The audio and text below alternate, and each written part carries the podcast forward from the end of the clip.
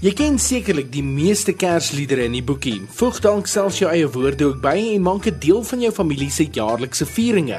Maar Kersliedere is reeds vir eeue met ons.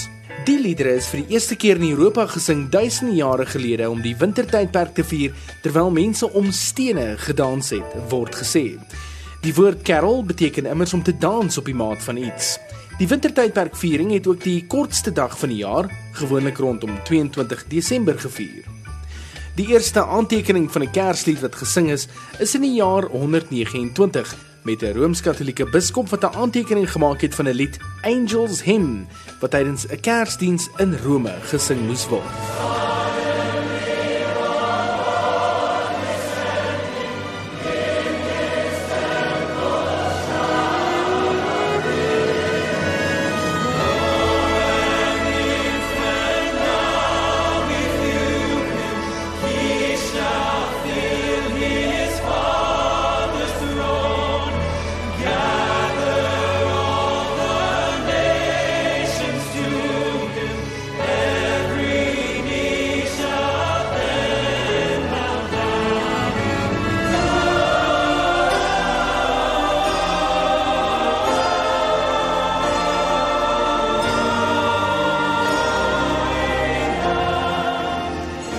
Tydens die 17de eeu was daar 'n verbod in veral Engeland op die sing van Kersliedere geplaas en dit is danksy mense wat dit steeds in die geheim gesing het en twee spesifieke manne, Oliver Cromwell en Davis Gilbert, wat deur Engeland getoer het en Kersliedere versamel het vir 'n bundel wat hulle sou beplan het dat die liedere wel bly voortbestaan het.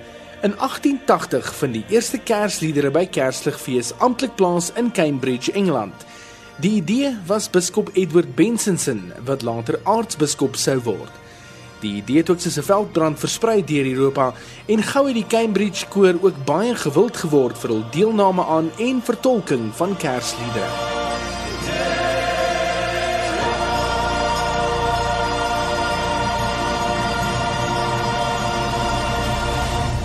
Die oudste aangetekende lied met volledige lirieke dateer terug na die 1650s God Rest Ye Merry Gentlemen wat verskyn in 'n boek vir die winterdansfees. En terloops, as jy iemand wil beïndruk met jou Kerslied kennis, noem aan hulle dat die komma in die eerste lyn van die liedjie na Mary verskyn en nie voor nie, omrede die skrywer daarop wil wys dat die geselskap van mans vrolik moet wees. Geseënde Kersfees. God rest ye merry gentlemen, let nothing you dismay. Remember Christ our Savior was born on Christmas Day to save us all from Satan's power when we were gone astray. Oh, tidings of comfort and joy, comfort and joy.